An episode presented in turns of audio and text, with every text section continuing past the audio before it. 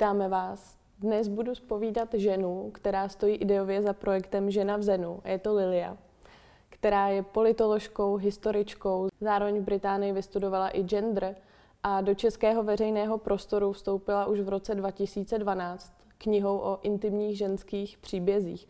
A v této tematice ona pokračuje dál, což žena v Zenu dokazuje. A zároveň vydává knihy o rituálech, slovanských bohyních prostě zabývá se ženskými tématy. Takže stejně jako všech žen v ženě v Zenu se i jí budu ptát, jaké to bylo vstupovat do českého veřejného prostoru a jaké nástrahy to sebou neslo. Ahoj Lili. Ahoj. Tak jaké to bylo? Jaké to bylo? Tak v tom roce 2012 to bylo v pořádku. Já v podstatě um, mám tu zkušenost, že ve chvíli, kdy jde o téma, za kterým se fakt bytostně stojím, tak je mi to celkem jedno. Jo, že i ve chvíli, kdy třeba třeba s třetí knihou, které jsem pomáhala na svět, spíš v roli jakési patronky projektu, což byla kniha o interrupcích a o samovolných potratech, vlastně ve smyslu toho, jak můžeme se podporovat vzájemně v těchto okamžicích, které zpravidla pro absolutní drtivou většinu žen nejsou nějak příjemné ani lehké. Mm. A, a vůbec jsem nečekala, že to může spustit takovou lavinu hitu, kterou to teda spustilo. Říká jsem se, že vlastně, že Česko má jednu z nejvyšších potratovostí vůbec na světě, teda teď už to klesá, v té době to bylo vyšší, bavíme se skoro před deseti lety. Konec konců, že jo, vlastně jsme ateistická země, takže zde hmm. by to mohlo se setkat s pochopením. Každá známe nějakou ženu, která tím prošla a vůbec. Jo, takže Nicméně i tak, přestože tehdy vlastně poprvé v životě jsem dostávala i telefonáty, jo, což je nezvyk, jako většinou jsou to e-maily a zprávy a i vlastně zprávy v tom smyslu, že jako tehdy jsem měla jedno dítě, takže i já, i moje dítě by se zasloužili smrt a za to, že vlastně k něčemu takovému já jsem se odhodlala, což jsem teda nečekala vůbec. O čem jsem slyšela jako o teoretické možnosti, jo, jakoby nějakého působení uh, ve veřejném prostoru, ale rozhodně jsem to jako nečekala, a že to zažiju na vlastní kůži kor za takovýhle, um, za takovýhle výstup. Nicméně, protože je to téma, ve kterým se cítím hodně, nechci říct hodně dobře, není to téma, ve kterým jde se cítit dobře, ale hodně jistě, že vím, že to stanovisko kterýmu pomáhám být, být více vidět, je velmi důležité a je velice um, nutné k tomu, aby jsme se mohli bavit o ženské svobodě a důstojnosti, tak ani ty reakce mě nedělaly problém. Neříkám, že to bylo vždycky příjemné, to samozřejmě nebylo, že jo, často jsem si říkala, jako ono to v podstatě šlo od takového toho Ježíš Maria, to snad není možný. Jako některé věci, které jsem četla, nebo které o sobě čtu i dodnes, protože ono tohle téma vždycky, vždycky, vždycky nakonec jako vyjde ve chvíli, kdy se jedná o nějakou um, diskuzi spíše jako hejtovacího charakteru, tak tady to vždycky vyjde na povrch. A říkám si, to není možné. Přece jako nemůžou existovat lidi, kteří tohle jako jsou schopni napsat. Tohle je jako tohle je robot. Jo, nebo jako já vím, že není, ale vlastně často je to takový spíš nevěříc. Občas je to hodně nepříjemný, ale v zásadě si říkám, fajn, tak tomu patří. Jo, to, co mě vadí, tak to nejsou ty intimní ženské příběhy. To samé je to třeba u domácích porodů, jo, další kontroverzní téma, ale ve kterým já vím, že prostě to, za čím se stojím, je důležitý a je nutný a je potřebný a jako nemám problém být za to nějakým způsobem pomlouvána, pranířována, to je jedno, protože prostě někdo to dělat musí a myslím hmm. si, že je to role, která, která za to stojí. Co mě ale strašně vadí, jsou lži, takže pomluvy za věci, které prostě nejsou pravda, tak to je něco, co, co jako nejsem schopna hmm. rozdýchávat snadno. No a další věc, která mě vadí, nebo která, kterou jsem tak jako odpozorovala, že ve chvíli, kdy se útočí na témata, které jsou buď hodně osobně intimní, niterní moje, pro mě jsou to jako témata související s rodičovstvím a mateřstvím, protože děti je něco, na čem mi prostě záleží, myslím si, že je to velmi přirozené tak tam mám takový velký drápe v tom, že jako děti chci chránit. Jakože dobře, já OK, ale jako nesahejte mi na děti, jo? tak to je jako místo, který, který vím, že je citlivý. No a další věc jsou potom věci, ve kterých sama se třeba necítím úplně jistá. Hmm. Jo? Takže tam, kde třeba já mám nějaký otazník a já jsem ještě úplně nedospěla ke svýmu vlastnímu stabilnímu vnitřnímu stanovisku, tak tam vím, že mě to dokáže rozhodit. Takže vlastně je to docela zajímavý monitor svým způsobem. Jo? To, co se ve mně děje, tak podle toho já poznám, jestli třeba to téma je fakt jako zpracované, nebo já nevím, jakoby vystabilizované, rada. Mhm. ano, a nebo jestli tam ještě mám já nějakou práci. A dokázala by si u té první vlny těch hejtů spojené s těmi potraty, s tím tématem. Dokážeš mm. nějak eh, říct, kdo zatím stál? Dá se to nějak generalizovat? Co to bylo za skupiny lidí třeba, nebo... Uh... Hele, to podle mě ani není důležitý, upřímně. To jsem nikdy nějak neanalyzovala. Vím, jako když jsem měla jeden takový hlubší pokus přijít jako za, s nějakou odborný, odbornou konzultaci na to vlastně, proč někomu musím vadit ve veřejném prostoru, tak a jsme dospěli k zajímavé analýze. Říká, víš, co blbý je, nebo vlastně jakoby tvůj, eh, to říct, tvoje slabina je v tom, že ty se nezaškatulkuješ ale nikam. A ty vlastně každý ty skupině říká, že ta druhá je OK. Jo, a to nejde prostě. Musíš být s někým v alianci, aby si tam měla jako zázemí. Ale ve chvíli, kdy každému říkáš, pojďme respektovat absolutní svobodu v rámci možnosti toho, že se neubližujeme, jo, je to v pořádku, jiná volba je v pořádku, jo, a když vlastně neustále chce říkat maminkám, který rodí v nemocnici, že ty, co rodí doma, jsou v pořádku a tím, co rodí doma, že ty, co rodí v nemocnici, mm-hmm. jsou v pořádku, tak nikde vlastně nenajdeš takový ten, jo, seš vlastně naše, jo. A tím, že nejseš naše nikde, tak vlastně všem se hodíš jako terč. Což mi přišlo jako docela zajímavé vysvětlení, protože skutečně já se necítím být jakoby v alianci mm-hmm. se mhm. žádnou skupinou, která má vyhraněný názor, že existuje správná cesta. Já jsem se ptala proto, že často s tím hejtem jsou uh, spojení lidi, od kterých by to člověk absolutně nečekal, například jako odborná veřejnost. Takže proto vlastně já jsem si říkala, jestli to tenkrát nebylo spojené i třeba s nějakými doktory nebo představiteli? Jako no, to, to se vůbec. nepamatuju. To se nepamatuju, že by v tom byla nějaká, to spíš u těch domácích porodů, že mm-hmm. vlastně samozřejmě se ozývají občas hlasy lékařů, které jsou zastánce, že je takové, které mm. nejsou zastánce toho, že by žena měla mít svobodnou volbu místa porodu, včetně teda toho domácího prostředí. Nicméně ne, to si myslím, že pokud bych měla nějakou skupinu zkusit identifikovat, jak říkám, nikde jsem se tím nezabývala, spíš to byly ženy, téměř se nepamatuju žádný mužský hlas teda v tyhle vlně. A spíš to byly ženy, které měly hodně blízko k nějakému přírodnímu způsobu fungování, mm, nechci říkat biomatky, jo, ale prostě ženy, které třeba i rodily doma, jo, které by hmm. vlastně třeba do ty jiné aliance mohly spadat. Jo.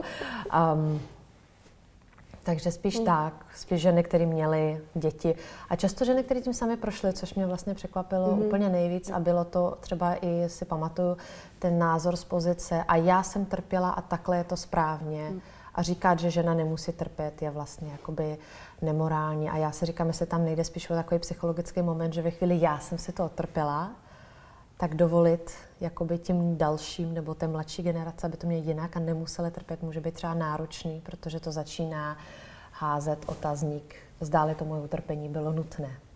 A to je podle mě vždycky velmi těžký moment jak jsi mluvila o tom nedostatku těch dostupných labelů, jako pro tebe názorově, protože se nejseš zaškatulkovatelná jednoduše, tak to ale podle mě vlastně se dá říct i o tom tvém profesním nebo studijním backgroundu, protože často pro lidi třeba je vlastně těžko představitelné, že někdo, kdo vystudoval historii a politologii, zároveň může řešit ty spirituálnější věci, ceremonie a ženské kruhy. A vlastně je to asi do určité míry lidská přirozenost toužit po těch zjednodušeních, tak narážíš ty osobně na to, že by se někdy ty tvoje role jako vzájemně vymlacovaly, nebo že by třeba někdy si chtěla být ta historička a politoložka, ale v některých kruzích už to vlastně nejde, protože tě mají třeba zafixovanou, jako s tím se nesetkáváš? Ale nevím, já, co se týká nějakých jako v uvozovkách profesních, ať už jsou více akademický nebo teda ty více alternativní, tak tam je to asi nevadí. Mně přijde, že vlastně uh, tak asi teologie, že by byl jiný podklad, který by dával smysl a jinak vlastně ta historie kor ranních období, což byla moje specializace, tudíž vlastně období pohanských, i když to pohanství je takový terminus technicus k ničemu, protože to je v podstatě všechno před mm. křesťanstvím, takže si tím neříkáme nic, nicméně to období před křesťanstvím, které jsem studovala, tak co víc by mohlo člověka navádět eh, k touze zkoumat eh, prast, nebo starý způsoby že jo, nějakého spirituálního vyznání, které byly víc v souladu s přírodou a podobně než toto. Takže jako naopak, myslím si, že kombinace gendera a historie, jako mm, z čeho jiného bych mohla vycházet. V tom, co mě zajímá, což ostatně vlastně jo, samozřejmě mě jako ženu hodně lákalo najít určitou cestu jako spirituálního charakteru, která by ale ctila ženu, ctila by plodnost, ctila by přírodu. Jakoby odborně jde asi říct, že to, co dělám v tom více alternativním prostředí, je neopohanský jako feminismus.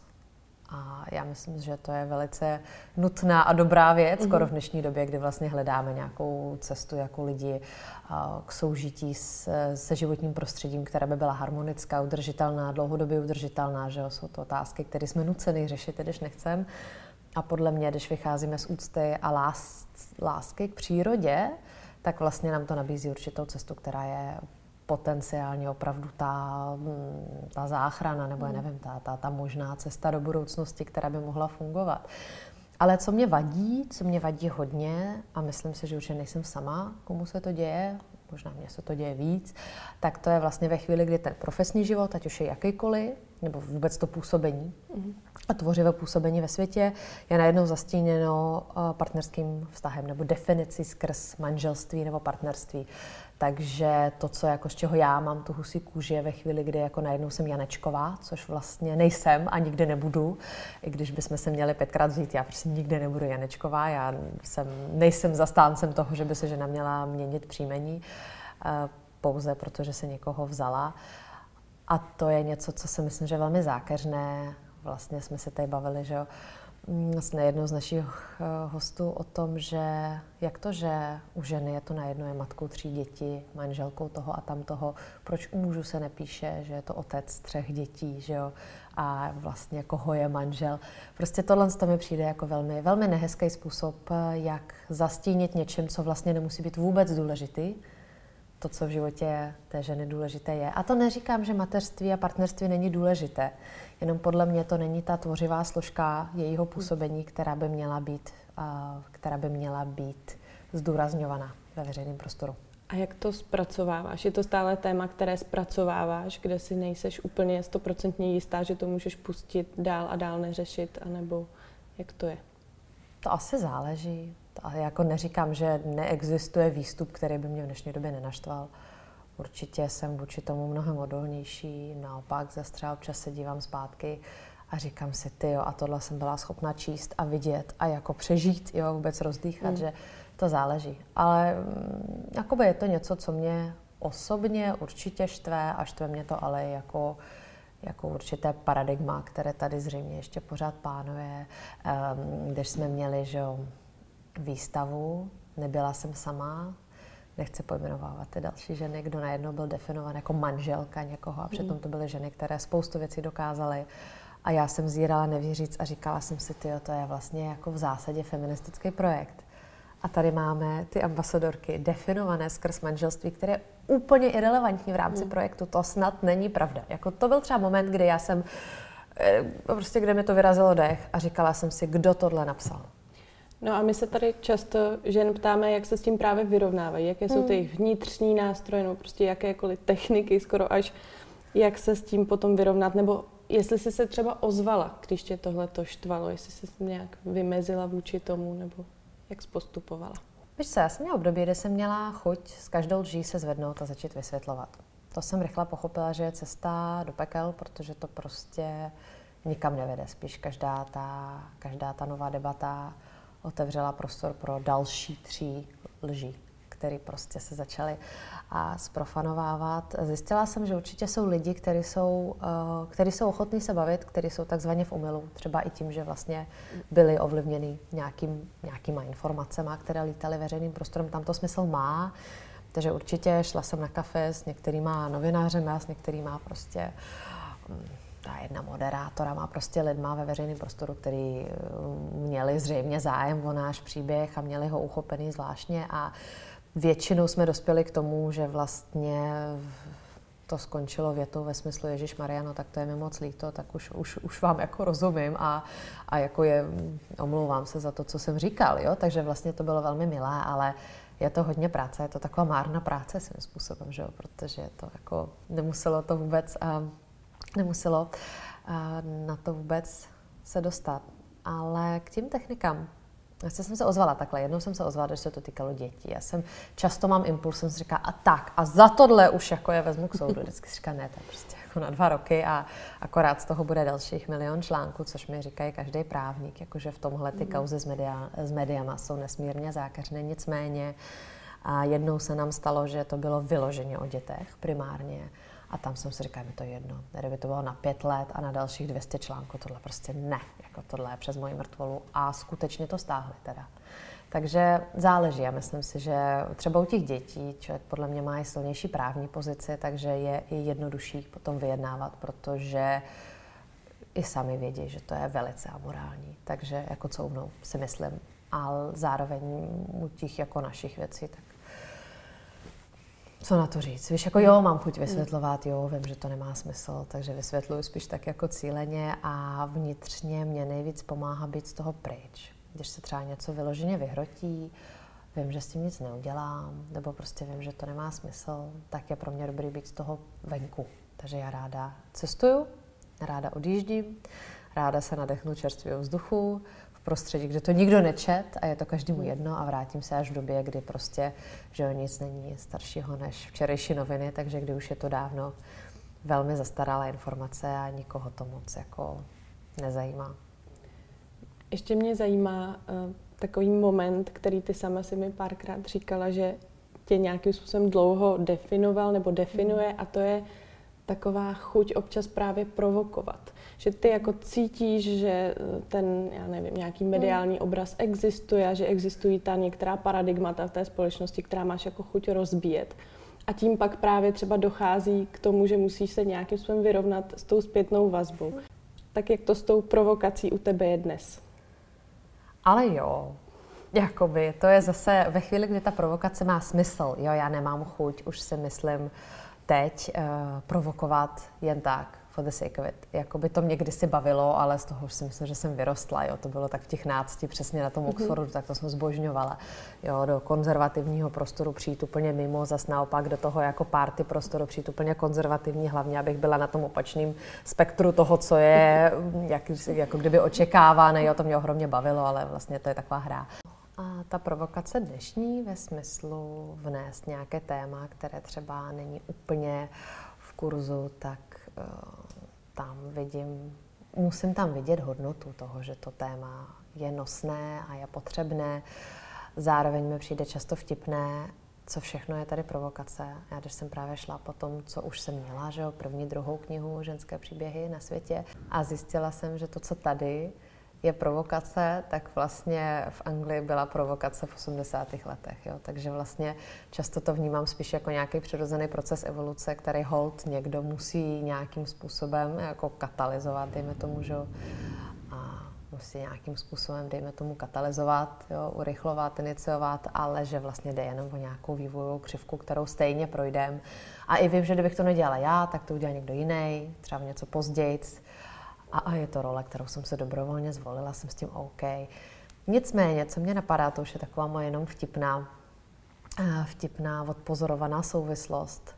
Hodně, mi, hodně se mi to mění podle cyklu. Jak se říká, že žena že se mění nálady a libido a co si, tak to nevím, ale mně se mění nejvíc tohle že mám půlku měsíce, kde mám jako ohromnou chuť provokovat a do věcí jako vyloženě takhle prostě píchat s tím, že vím, že vylítne to vosí hnízdo a vůbec mi to nevadí, naopak mi to přijde zábavný a skvělý a nutný a potřebné. A potom přijde ta druhá půlka a já mám strašnou chuť zalíst, schovat se, říkám si, Ježíš Maria, co jsem to udělala prostě. Jo, zase jsem si tady udělala takovej strašný jako bordel kolem sebe. Proč? Že mám to zapotřebí, prostě věnuj se dětem, buď v klidu, jo.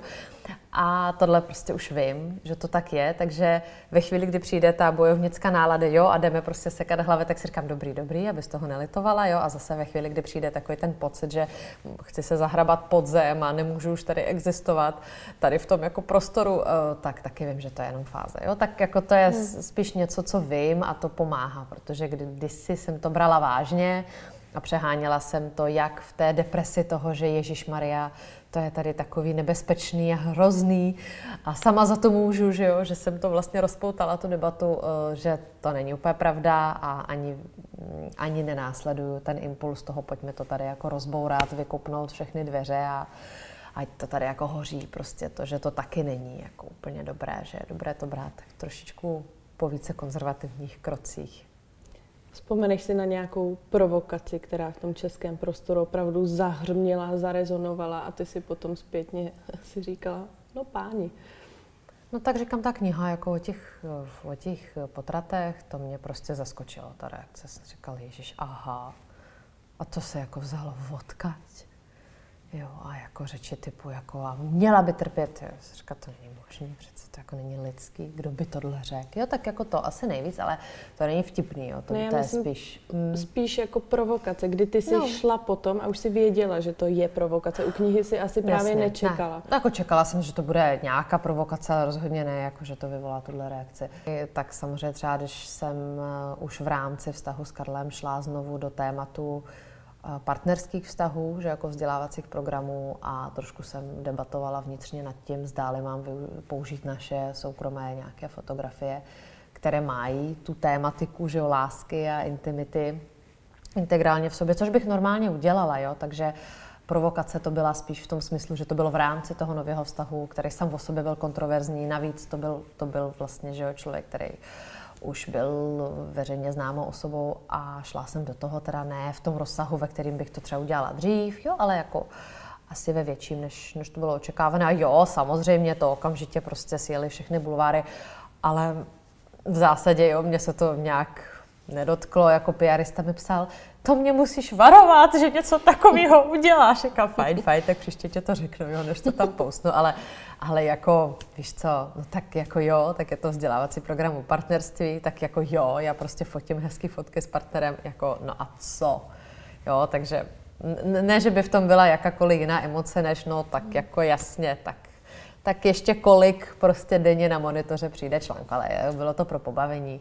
A jsem, eh, nebylo to žádné překvapko. Dokázala by si ženám, které třeba začínají se svou kariérou nebo zkrátka jdou poprvé z kůží na trh, doporučit, hmm. jak se obrnět nebo jak přistupovat k negaci a často i k hejtu, která je prostě v tom veřejném prostoru může potkat?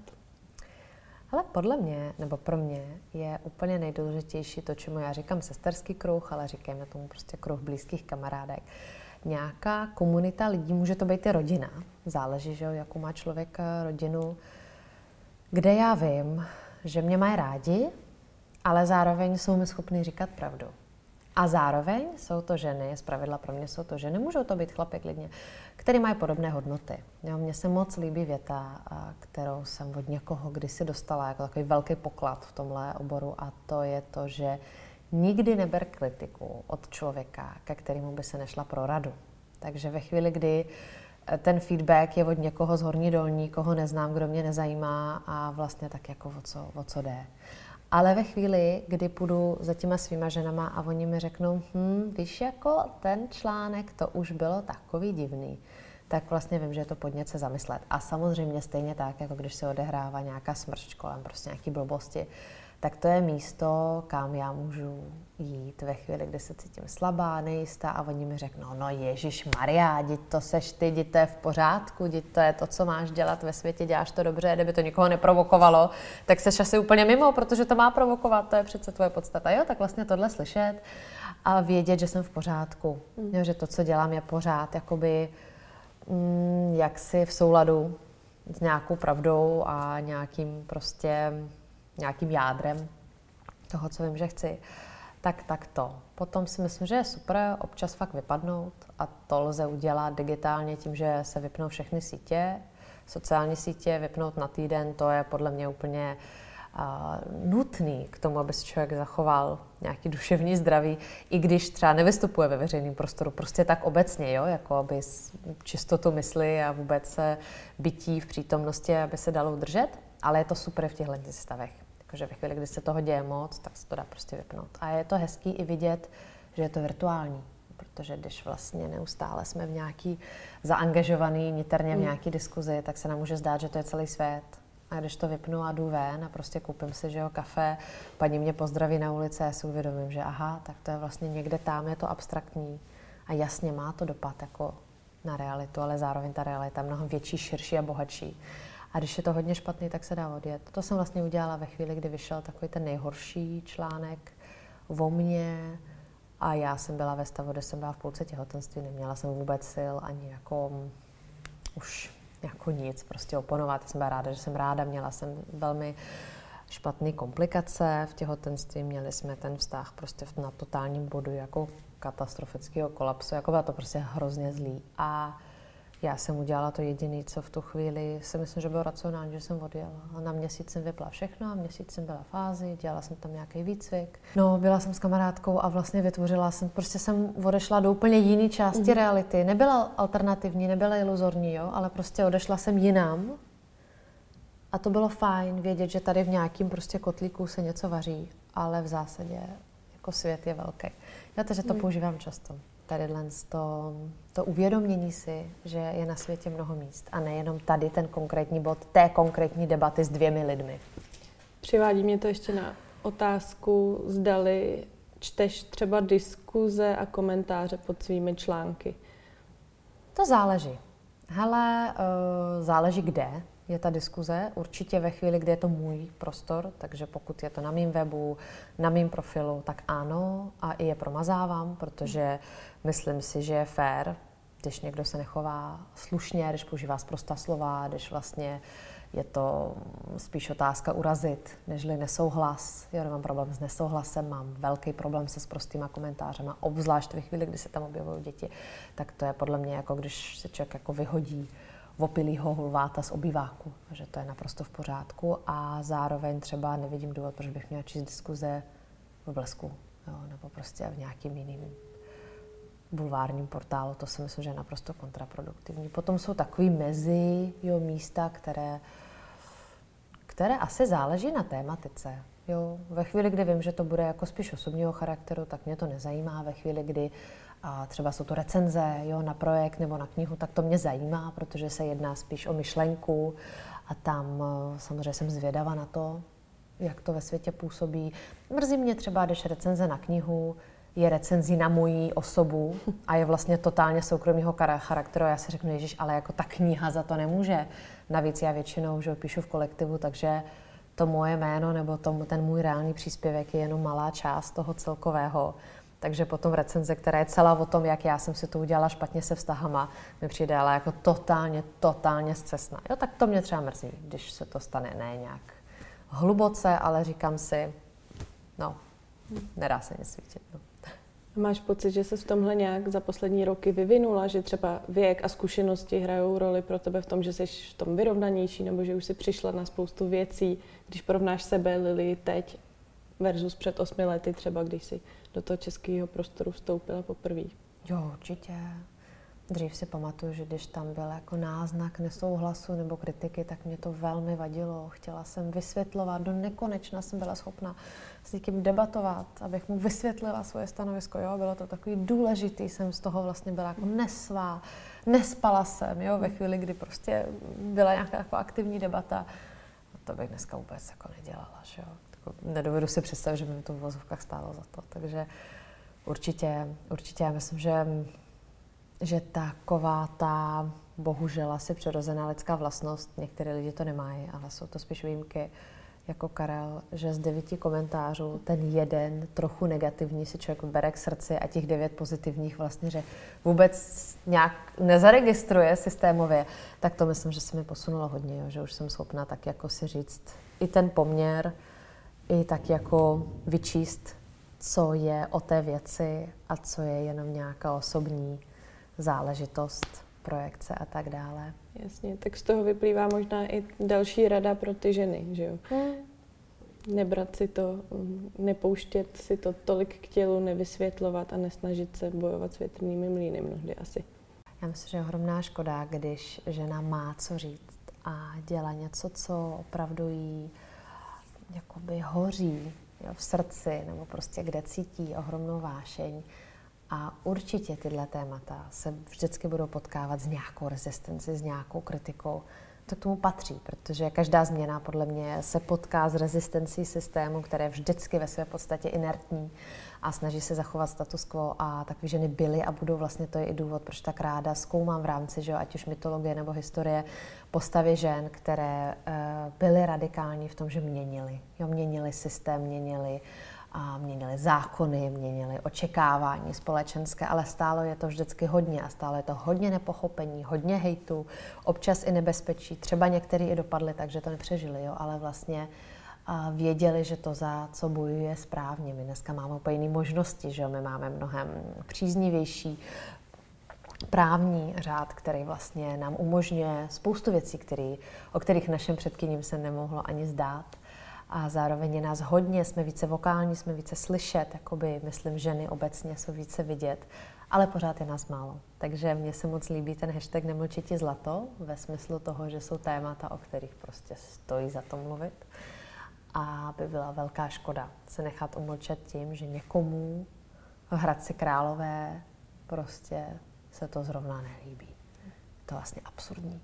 A zároveň vidím tak často, jak moc na tom začátku to dokáže demotivovat, odradit, vlastně vzít chuť a jako zabít toho tvořivého ducha, který si myslím, že je vlastně to nejdůležitější, co my lidi v sobě máme a co má smysl projevovat a co má smysl žít.